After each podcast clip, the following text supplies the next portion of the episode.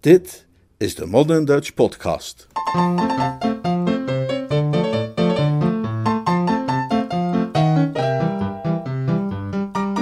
Jeeves is uniek. Een verhaal uit de pseudoroman The Inimitable Jeeves van P.G. Woodhouse, vertaald en voorgelezen door Leonard Beuger.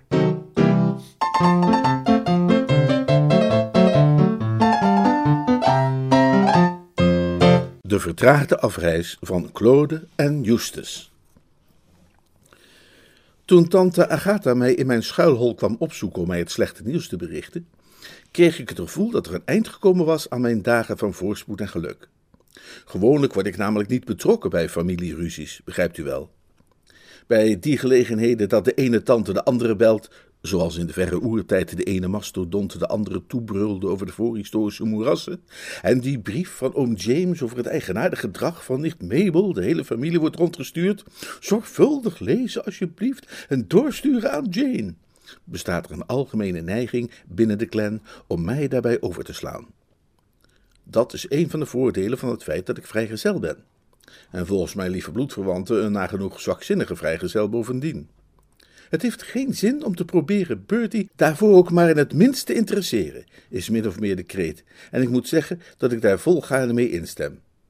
Een rustig, ongestoord bestaan is waar mijn voorkeur uitgaat. Daarom had ik het gevoel dat de vloek nu over mij geworpen was, zo gezegd, toen tante Agatha, terwijl ik rustig even een sigaretje zat te roken, mijn woonkamer kwam binnenzeilen en een verhaal tegen me begon over Claude en Justus.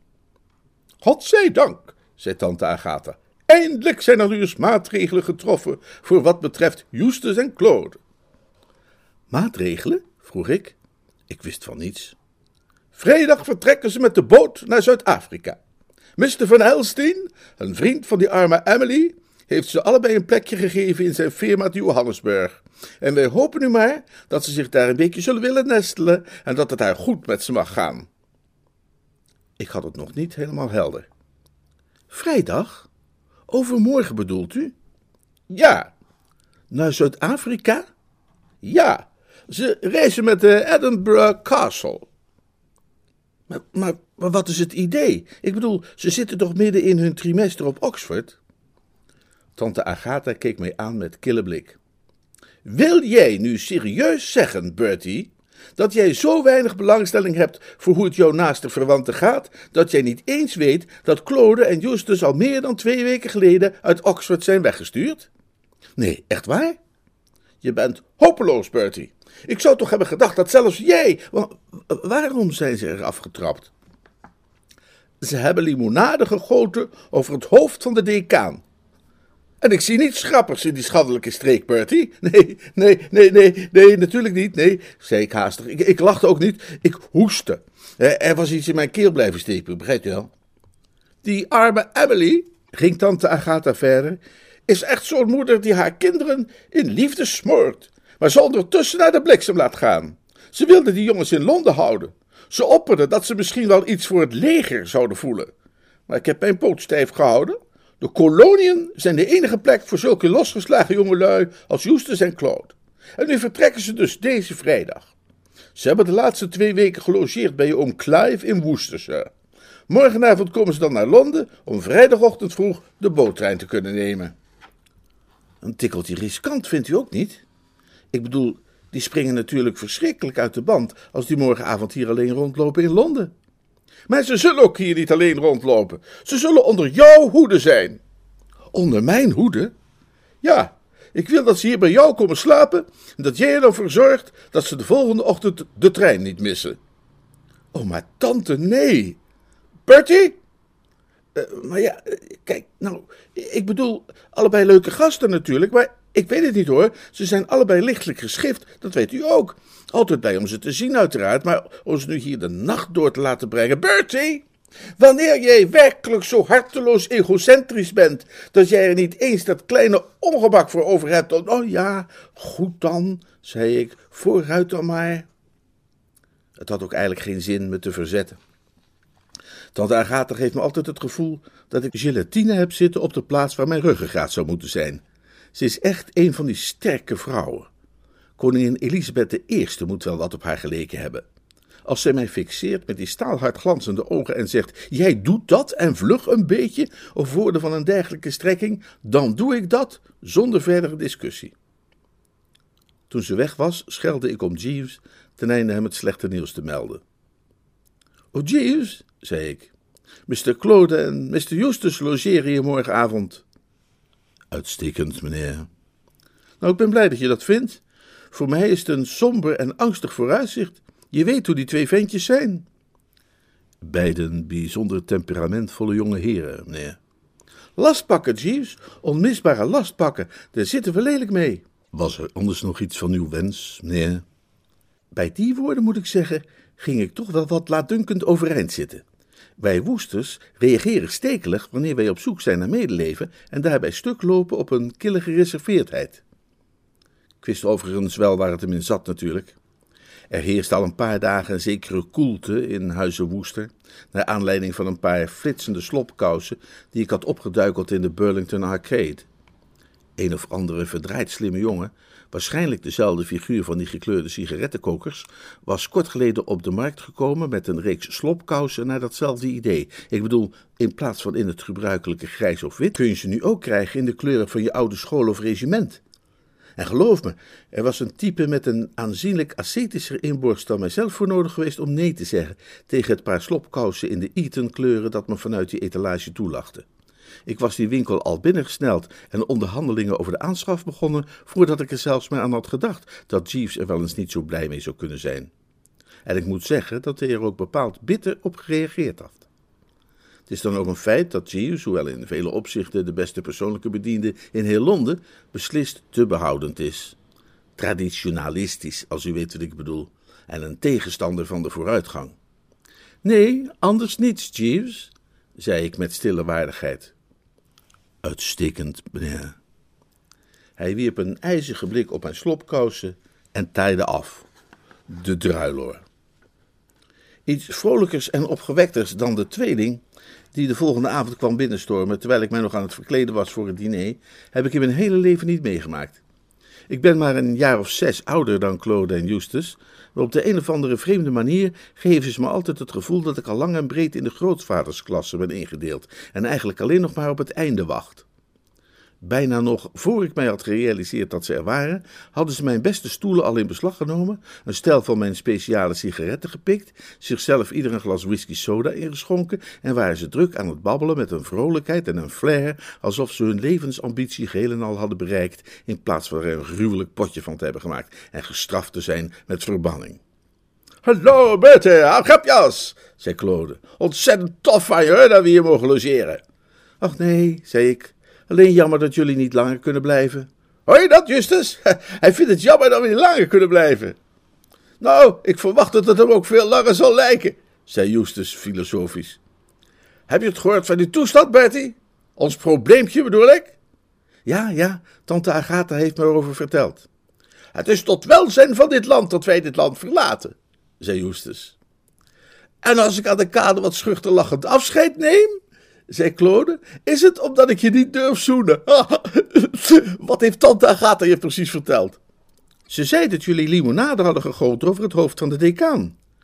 Het zou toch verdorie fijn zijn, zei Claude, als mensen zulke dingen een beetje correct overbrachten. Het, het, was niet de decaan, het was de prorector. En, en het was ook geen limonade, zei Justus, het was sodawater. De arme oude druif stond toevallig onder ons raam toen ik naar buiten loonde met een sifon in mijn hand. Hij keek omhoog en, nou ja, ik zou natuurlijk een unieke kans voorbij hebben laten gaan als ik hem niet recht tussen de ogen had gespoten. Dat zou doodzonde zijn geweest, stemde Claude met hem in. Zo'n kans krijg je nooit meer, zei Justus. Ik bied je honderd omheen, zei Claude. Maar goed, zei Justus. Zeg eens op, Bertie, wat was je van plan die welkome gasten vanavond te bieden qua amusement? Nou, mij leek dat we hier thuis wat zouden kunnen eten, zei ik. Jeeves kan het diner elk moment opdienen. En daarna? Tja, ik dacht dat we misschien nog wat gezellig zouden kunnen kletsen, maar dat jullie dan waarschijnlijk een beetje vroeg onder de wol zouden willen kruipen, omdat jullie trein al tegen tienen gaat, toch? De tweelingen wierpen elkaar een medelijdende blik toe. Bertie, zei Justus, je komt met dat programma een heel eind in de goede richting, maar niet helemaal. Ik zie de avond als volgt voor. Na het diner kun je rustig naar Siro's. Die hebben toch een nachtvergunning voor donderdag ook? Nou, dan houden we het wel uit tot half drie, drie uur. En daarna, zei Claude, och, de heren zal voorzien. Maar, maar ik dacht dat jullie van een goede nachtrust zouden willen genieten. Een goede nachtrust, zei Justus. Maar beste kerel, je hebt toch geen momentje verbeeld dat we hier ook maar over piekeren vannacht naar bed te gaan, is het wel? Het is denk ik eenvoudig een feit dat ik niet meer de man ben die ik ooit was.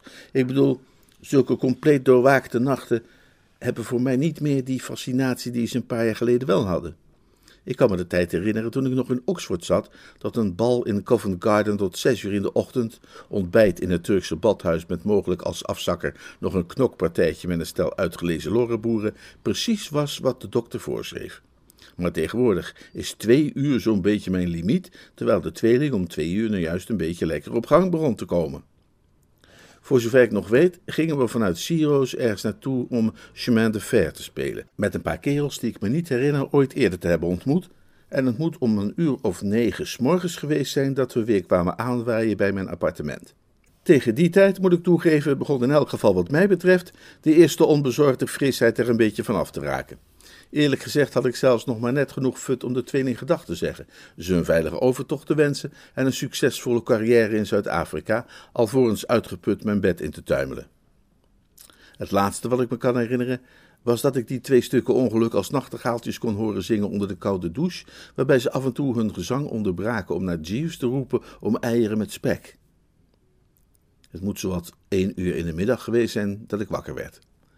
Ik voelde me zo ongeveer als iets dat was afgekeurd door de keuringsdienst van waren, maar er was één blije gedachte die mij wist op te vrolijken, en dat was dat omstreeks deze tijd de tweeling over de leuning zou hangen van hun schip, om een laatste glimp op te kunnen vangen van het lieve vaderland.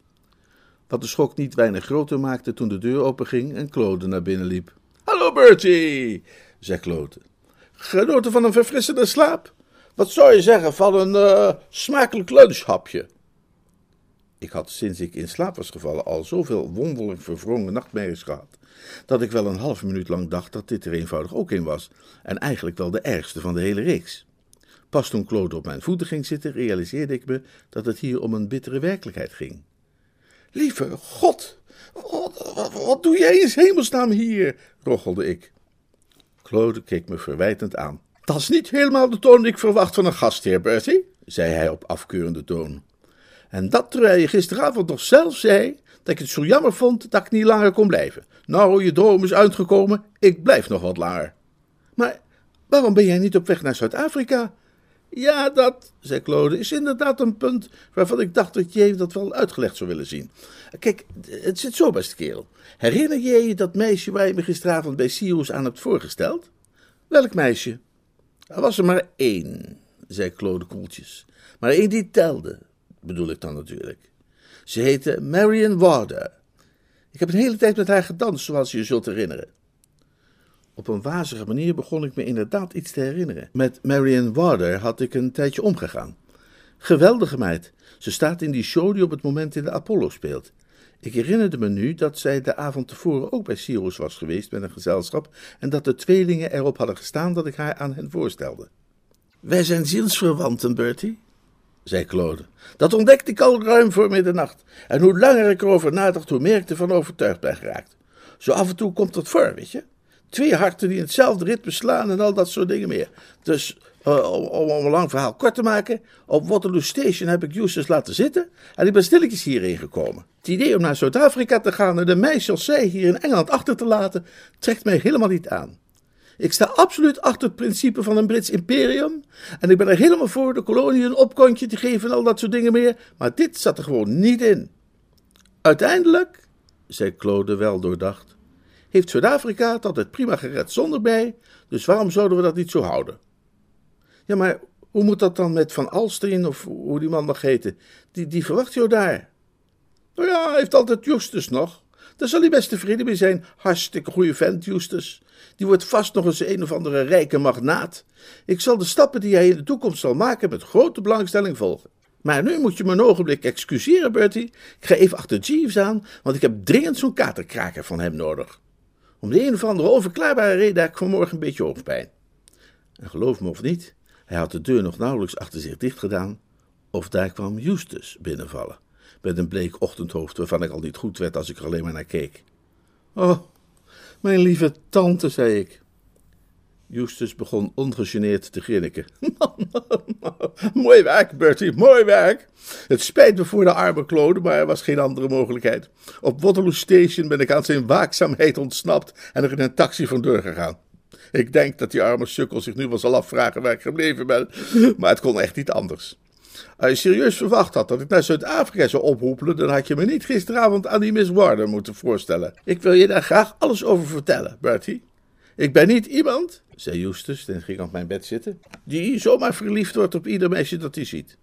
Het sterke, zwijgzame type is denk ik de beste omschrijving die u voor mij kunt vinden. Maar als ik mijn zielsvriendin heb gevonden, verspil ik geen tijd. Ik, ik, lieve hemel, ben jij ook al verliefd op Marianne Warder? Ook al? Hoe bedoel je ook al? Ik wilde hem net gaan vertellen over Claude toen dat geboefte in eigen persoon kwam binnenwandelen. Hij zag eruit als een jonge reus die was uitgerust van zijn inspanningen. Ik twijfel er niet aan of die opkikkers van Gius bewerken een onmiddellijk resultaat bij alles dat niet helemaal een Egyptische mummie is. Het is iets wat hij erin doet, de woestersaus of zoiets. Claude was ervan opgeknapt als een plant die eindelijk water heeft gekregen, maar hij kreeg bijna een ernstige terugval toen hij zijn bliksemse broer hem zag aanstaren van over het voeteneind van het bed. Wat doe jij hier, verdorie? vroeg hij. En wat doe jij hier, patverdrie? vroeg Justus. Ben je teruggekomen om Miss Warden jouw walgelijk gezelschap op te dringen? Is dat waarom jij bent teruggekomen? Ze diepte dat onderwerp nog wat verder uit. Nou ja, zei Claude tenslotte. Vrees dat er niets aan te doen valt. Je bent nu eenmaal hier. Mogen de beste winnen. Ja, maar deksels, kon ik er op dat moment eindelijk tussen krijgen. Wat zijn jullie nu eigenlijk van plan? Waar willen jullie bivakeren als je in Londen blijft? Nou, hier natuurlijk, zei Justus verbaasd. Waar anders? vroeg Claude en trok zijn wenkbrauwen op. Je gaat toch niet moeilijk erover doen dat wij hier een tijdje zijn? Een sportieve kerel als jij, zei Claude. Maar stel je sukkels. Stel dat tante Agatha ontdekt dat ik jullie hier verborgen hou, terwijl je in Zuid-Afrika hoort te zijn. Hoe gaat dat voor mij aflopen? Ja, hoe gaat dat voor hem aflopen? vroeg Claude aan Justus. Och, ik aan dat hij daar wel wat op vindt, zei Justus tegen Claude. Natuurlijk, zei Claude helemaal opgelucht. Hij vindt daar wel wat op.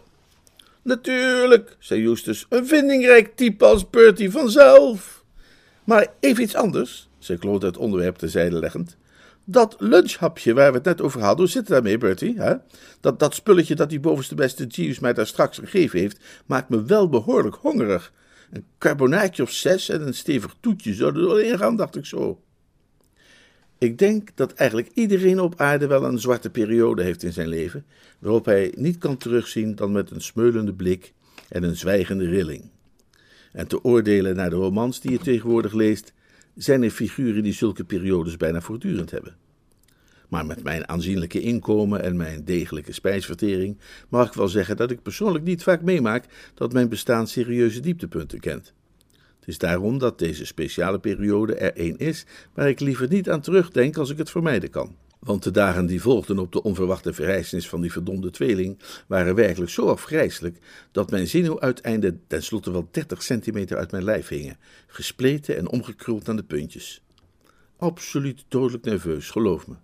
Ik veronderstel dat het in de kern het gevolg is van het feit dat wij woesters zo grenzeloos eerlijk en open zijn en al dat soort dingen meer, waardoor wij er volkomen tuurluurs van worden te moeten liegen en bedriegen. Zo'n 24 uur lang bleef alles rustig langs de Potomac. Maar toen kwam tante Agatha binnendruppelen voor een praatje. Twintig minuten eerder en ze zou de tweeling hebben aangetroffen die zich vrolijk zaten vol te proppen met spek en eieren. Ze liet zich in een stoel zakken en ik kon zien dat ze niet haar gebruikelijke zonnige humeur had. Bertie, zei ze, ik ben niet op mijn gemak. Dat was ik ook niet. Ik wist niet hoe lang ze van plan was te blijven en evenmin wanneer de tweeling terug zou komen.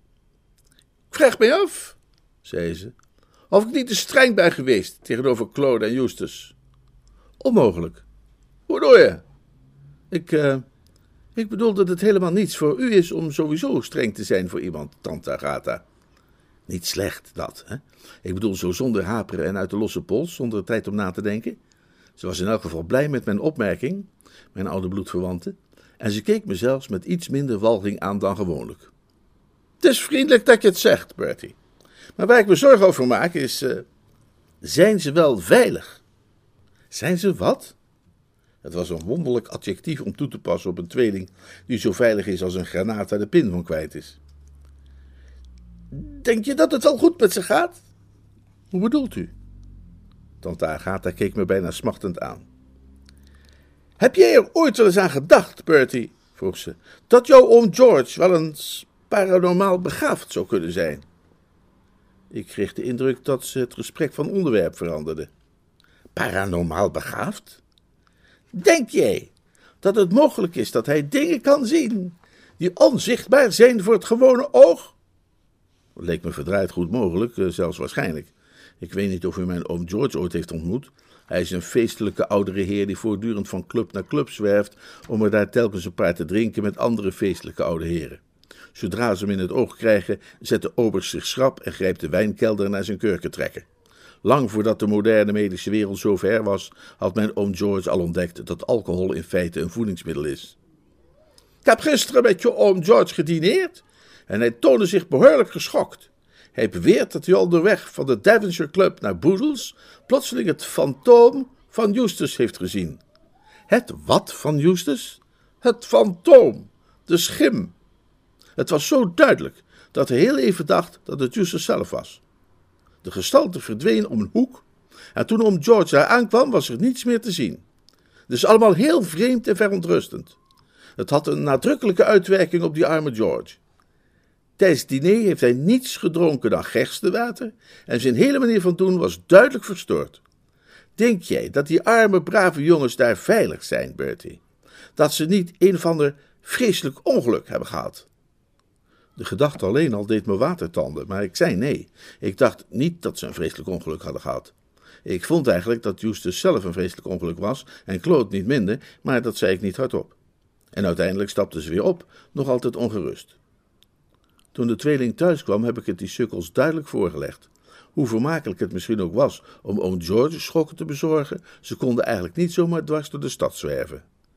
Maar mijn bovenste beste Bertie, zei Claude, wees nu toch redelijk. Wij kunnen ons niet laten belemmeren in onze bewegingen. Daar is geen discussie over mogelijk, zei Justus. Het is nu juist van essentieel belang, zei Claude, dat wij in alle vrijheid van hot naar her kunnen dwalen. Precies, zei Justus. Nu eens hot en dan weer her. Maar potverdorie, Bertie, zei Justus afkeurend, niet waar het kind bij is. Ja, ik snap natuurlijk wel op een bepaalde manier wat hij zeggen wil, zei Claude, maar dat probleem valt volgens mij ook op te lossen door een paar vermommingen aan te schaffen. Mijn beste knul, zei Justus en keek hem bewonderend aan. Wat een meestelijk idee. Niet van jezelf, neem ik aan? Nee, feitelijk was het Bertie die me erop gebracht heeft. Hè, ik? Jij vertelde me een paar dagen geleden over je vriend Bingo Little en dat hij een baard heeft gekocht toen hij niet wilde dat zijn oom hem herkende. Als jullie soms denken dat ik jullie twee puistenkoppen hier in en uit wil hebben lopen met baarden om, daar zit wat in, stemde Justus met mij in. Daar maken we dan bakkenbaarden van. En valse neuzen, zei Claude. Ja, precies, valse neuzen. Mooi zo. Dus, Bertie, beste kerel, dat neemt weer een pak van je hart, hè? Wij willen je absoluut geen last bezorgen zolang we hier bij jou op bezoek zijn. En toen ik bij Jeeves langs ging om bij hem enige troost te vinden, was alles waar hij mee kwam iets over jeugdige zorgeloosheid. Geen spatje sympathie. Hm, het is goed, Jeeves. Ik ga even een eindje wandelen in het park. Wees zo vriendelijk om die Eton slopkousen voor me klaar te leggen. Uitstekend, meneer. Het moet een paar dagen daarna geweest zijn dat Marion Warder rond theetijd binnendwarrelde. Ze keek behoedzaam de kamer rond voordat ze ging zitten. Zijn je neven niet thuis, Bertie? vroeg ze. Nee, goddank niet. Dan zal ik jou vertellen waar ze wel zijn. Ze zitten in mijn woonkamer, vanuit tegenoverliggende hoeken elkaar te begluren en te wachten totdat ik thuis kom. En daar moet een eind aan komen, Bertie. Dus jij ziet ze vaak. Jeeves kwam binnen met de thee maar het arme kind was zo geëmotioneerd dat ze niet wachtte tot hij weer opgeroepeld was, alvorens ze haar hart uitstortte. Ik kan geen stap zetten zonder over een van die twee te struikelen, zei ze. En meestal over allebei. Ze komen tegenwoordig altijd samen en gaan grimmig in een hoekje zitten om te proberen de ander weg te kijken. Ik houd het niet meer uit. Ik ben nog maar een schaduw van mezelf. Ja, ik herken dat erg goed, zei ik meevoelend. Ik weet er alles van. Maar wat kunnen we daar dan aan doen? Ja, ik zou het niet weten. Kun jij je meid niet laten zeggen dat je niet thuis bent? Ze huiverde even. Dat heb ik een keer geprobeerd. Toen bleef ze op de trap bivakeren en kon ik de hele middag de deur niet uit, terwijl ik een massa belangrijke afspraken had. Ik wou dat jij ze kon overhalen naar Zuid-Afrika te gaan, waar mensen ze kennelijk hebben willen. Je moet wel een allemachtige indruk op ze gemaakt hebben, zeg. Dat zou ik ook denken.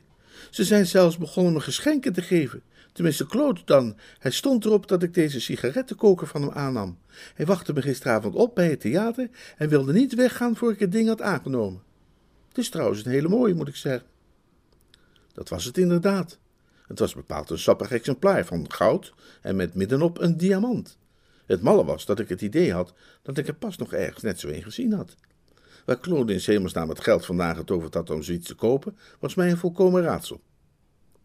De dag daarna was het woensdag, en daar het voorwerp hunne verering een matineevoorstelling had, had de tweeling, om zo te zeggen, de middag vrij.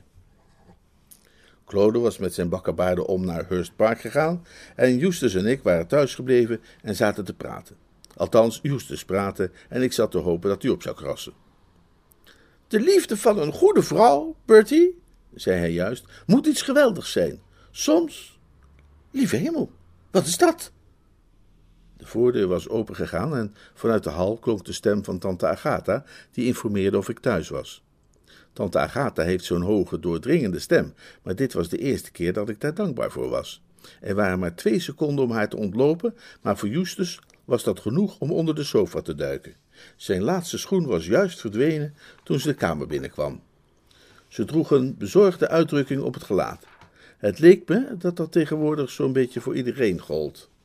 Bertie, zei ze, wat zijn jouw directe plannen? Hoe bedoelt u? Eh, om acht uur dineer ik. Nee, nee, ik bedoel niet vanavond. Ben de komende dagen druk? Maar natuurlijk niet, ging ze verder zonder op mijn antwoord te wachten. Je hebt nooit iets te doen. Je brengt je hele leven door in. Nou ja, daar zullen we het later wel eens over hebben. Waar, waar ik vanmiddag voor gekomen ben, is om te zeggen dat ik wil dat je een paar weken met je armen om George naar Harrogate gaat. En hoe sneller je kunt vertrekken, hoe beter. Dit leek me zo absoluut veel te ver gaan dat ik een kreet van protest liet horen. Ik heb niets tegen oom George, maar dit was echt te gek. Ik wilde dat juist gaan zeggen, maar ze liet me niet eens mijn mond open doen. Als jij niet volkomen harteloos wilt schijnen, Bertie, dan zul je doen wat ik zeg. Jouw arme oom George heeft een ernstige schok gehad. Wat? Alweer een? Hij vreest dat alleen volledige rust en een zorgvuldige medische aandacht zijn zenuwstelsel weer zou kunnen herstellen en tot rust brengen. Het schijnt dat hij in het verleden veel baat heeft gehad van het heilzame bronwater in Harrogate. En daarom wil hij daar nu weer heen. En wij vinden dat hij niet alleen zou moeten zijn en daarom willen we dat jij met hem meegaat. Ja, maar tante. Bertie! Er viel even een leemte in de conversatie. En wat voor schok heeft hij dan gehad? Even tussen ons tweeën, zei tante Agatha en liet haar stem suggestief zakken in volume kneigt tot overtuiging dat de hele kwestie het gevolg is van een overgeprikkelde fantasie.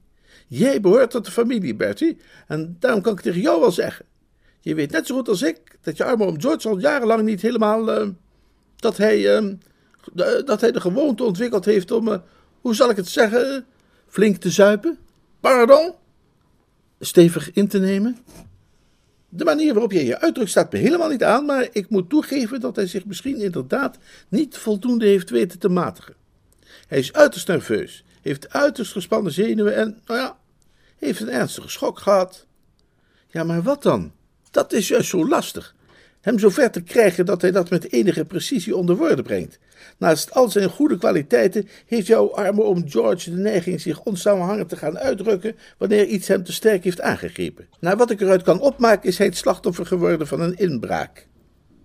Een inbraak? Hij zegt dat een vreemde kerel met grote bakkenbaarden en een eigenaardige neus tijdens zijn afwezigheid zijn appartement in Jermyn Street is binnengedrongen en iets van zijn eigendommen heeft ontvreemd. Hij zegt dat hij bij zijn thuiskomst die man aantrof in de woonkamer. Hij rende onmiddellijk naar buiten en verdween. Oom George? Nee, die kerel. En, en, en volgens oom George heeft hij een kostbare sigarettenkoker gestolen. Maar zoals ik zeg, ik, ik neig tot de overtuiging dat hij het zich allemaal heeft verbeeld. Hij is zichzelf niet meer geweest sinds de dag dat hij meende Justus op straat te hebben gezien. En daarom zou ik dus graag zien, Bertie, dat jij erop rekent uiterlijk aanstaande zaterdag met hem naar Harrogate te gaan. Ze vertrok en Justus kroop onder de sofa vandaan. Hij was behoorlijk onthutst. En anders ik wel.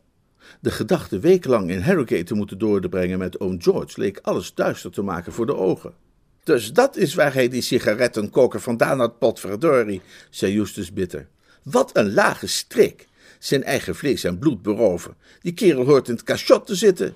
Hij hoort in Zuid-Afrika te zitten, zei ik. Net als jij trouwens. En met een welsprekendheid die mijzelf ook nogal verbaasde, onderhield ik hem minstens tien minuten over zijn verplichtingen ten opzichte van zijn familie en wat dan niet. Ik deed een beroep op zijn gevoel voor fatsoen. Ik gaf hoog op van Zuid-Afrika. Ik zei alles wat ik kon bedenken en het meeste daarvan wel twee keer. Maar alles wat de druiloor deed was doorbabbelen over het laag allooi van zijn broer naar aanleiding van die sigarettenkoker. Hij leek te denken dat Claude dankzij dat kostbare geschenk een voorsprong op hem had behaald. En er volgde een pijnlijke scène toen deze terugkwam van Hurst Park. Ik kon ze de halve nacht toch horen ruzie maken, lang nadat ik zelf naar bed was verstrompeld. Ik geloof niet dat ik ooit lui heb meegemaakt die het minder slaap toekonden dan die twee. Daarna werd de situatie bij mij thuis wat gespannen, daar Claude en Justus niet langer met elkaar spraken. Persoonlijk ben ik voor een vriendschappelijke stemming in huis en het was doodvermoeiend om met twee kerels te moeten samenwonen die zich gedragen alsof de ander eenvoudig niet op deze planeet voorkomt. Je zou zeggen dat een dergelijke toestand nooit lang kan voortduren, en ja, Dori, dat deed hij dan ook niet. Maar als iemand me een dag eerder verteld zou hebben wat er zou gaan gebeuren, zou ik alleen maar wat bleekjes geglimlacht hebben. Ik bedoel, ik was zo aan de gedachte gewend geraakt dat niets dan misschien een zware dynamietexplosie mij ooit zou kunnen verlossen van die twee koekoeksjongen in mijn midden, dat ik nauwelijks kon geloven dat ik het goed gehoord had toen Claude op vrijdagochtend naar me toe kwam om me zijn nieuws te vertellen. Bertie, zei hij, ik heb er nog eens over nagedacht. Waarover? Dat hele gedoe. Het feit dat ik hier in Londen ben gebleven, terwijl ik in Zuid-Afrika had horen te zijn. Het is niet eerlijk zei Claude met een welmenende, warme klank in zijn stem. Het is ook niet goed. En waar het nu uiteindelijk op neerkomt, Bertie, beste keel, is dat ik morgen vertrek. Ik sloeg bijna stijl achterover. Je vertrekt? vroeg ik, naar adem happend. Eh, ja, althans, zei Claude, uh, wanneer jij er geen bezwaar tegen hebt dat Jeeves morgen een ticket voor me gaat kopen. Ik vrees dat ik bij jou moet aankloppen voor het geld voor de overtocht, beste kerel. Het erg vindt. Erg? Wel nee, zei ik en schudde hem geestdriftig de hand. Dat staat in orde. Oh, Bertie, en, wees zo vriendelijk hier geen woord over te zeggen tegen Justus, alsjeblieft. Gaat hij dan niet ook? Claude huiverde. Nee, godzijdank niet. Het idee dat ik met dat stuk ongeluk aan boord van hetzelfde schip vast zou zitten, doet me de rillingen over de rug lopen. Nee, geen woord tegen Justus. Zeg, ik hoop dat je nog een hut voor me kunt reserveren op deze korte termijn. Natuurlijk, zei ik. Eer ik mij deze gelegenheid zou hebben laten ontgaan, zou ik nog liever het hele vervloekte schip hebben gekocht. Jeeves, zei ik, de keuken binnenstormend, ga zo speer naar het kantoor van Union Castle en boek een hut op de boot van morgen voor Mr. Claude. Hij gaat ons verlaten. Jeeves? Ja, meneer. En Mr. Claude zou graag dat hier geen woord over gezegd wordt tegen Mr. Eustace. Nee, meneer. Mr. Justus formuleerde dezelfde wens toen hij mij verzocht een hut op de boot van morgen te reserveren voor hemzelf. Ik keek hem met open mond aan. Vertrekt hij ook? Ja, meneer. Dat is mal. Ja, meneer. Was de situatie anders geweest dan hij was, dan zou ik mij op dit punt verregaand hebben uitgesproken tegenover Jeeves. Ik zou zelfs hebben gejuicht en een ronde dansje om hem heen hebben gemaakt en wat dan niet maar die slopkousen vormden nog steeds een onoverkombare barrière, en ik moet tot mijn spijt bekennen dat ik van de gelegenheid gebruik maakte om zelfs nog wat zout in de wonden te wrijven. Ik bedoel, hij had zich zo verdraaid afstandelijk en weinig meelevend getoond, terwijl hij maar al te goed besefte dat zijn jeugdige meester diep in de puree stak en dat er van hem verwacht werd dat hij te hulp zou snellen. Dat ik niet kon nalaten erop te wijzen dat de gelukkige afloop van deze affaire tot stand was gebracht zonder enige hulp van hem.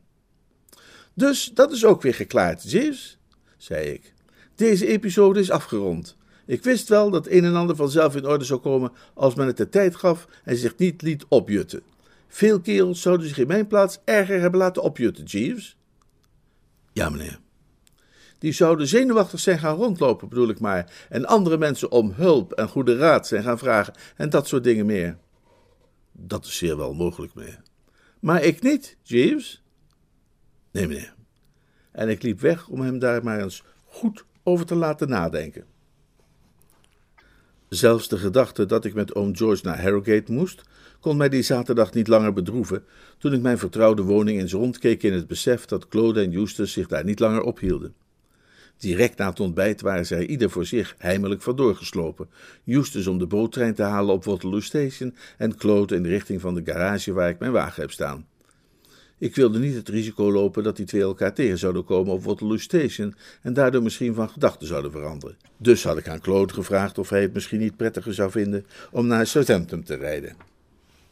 Ik lag ontspannen achterover op de sofa en staarde vredig naar de vliegen op het plafond, vervuld van het aangename besef wat een prachtvolle wereld dit toch eigenlijk is, toen Jeeves de kamer binnenkwam met een brief in zijn hand.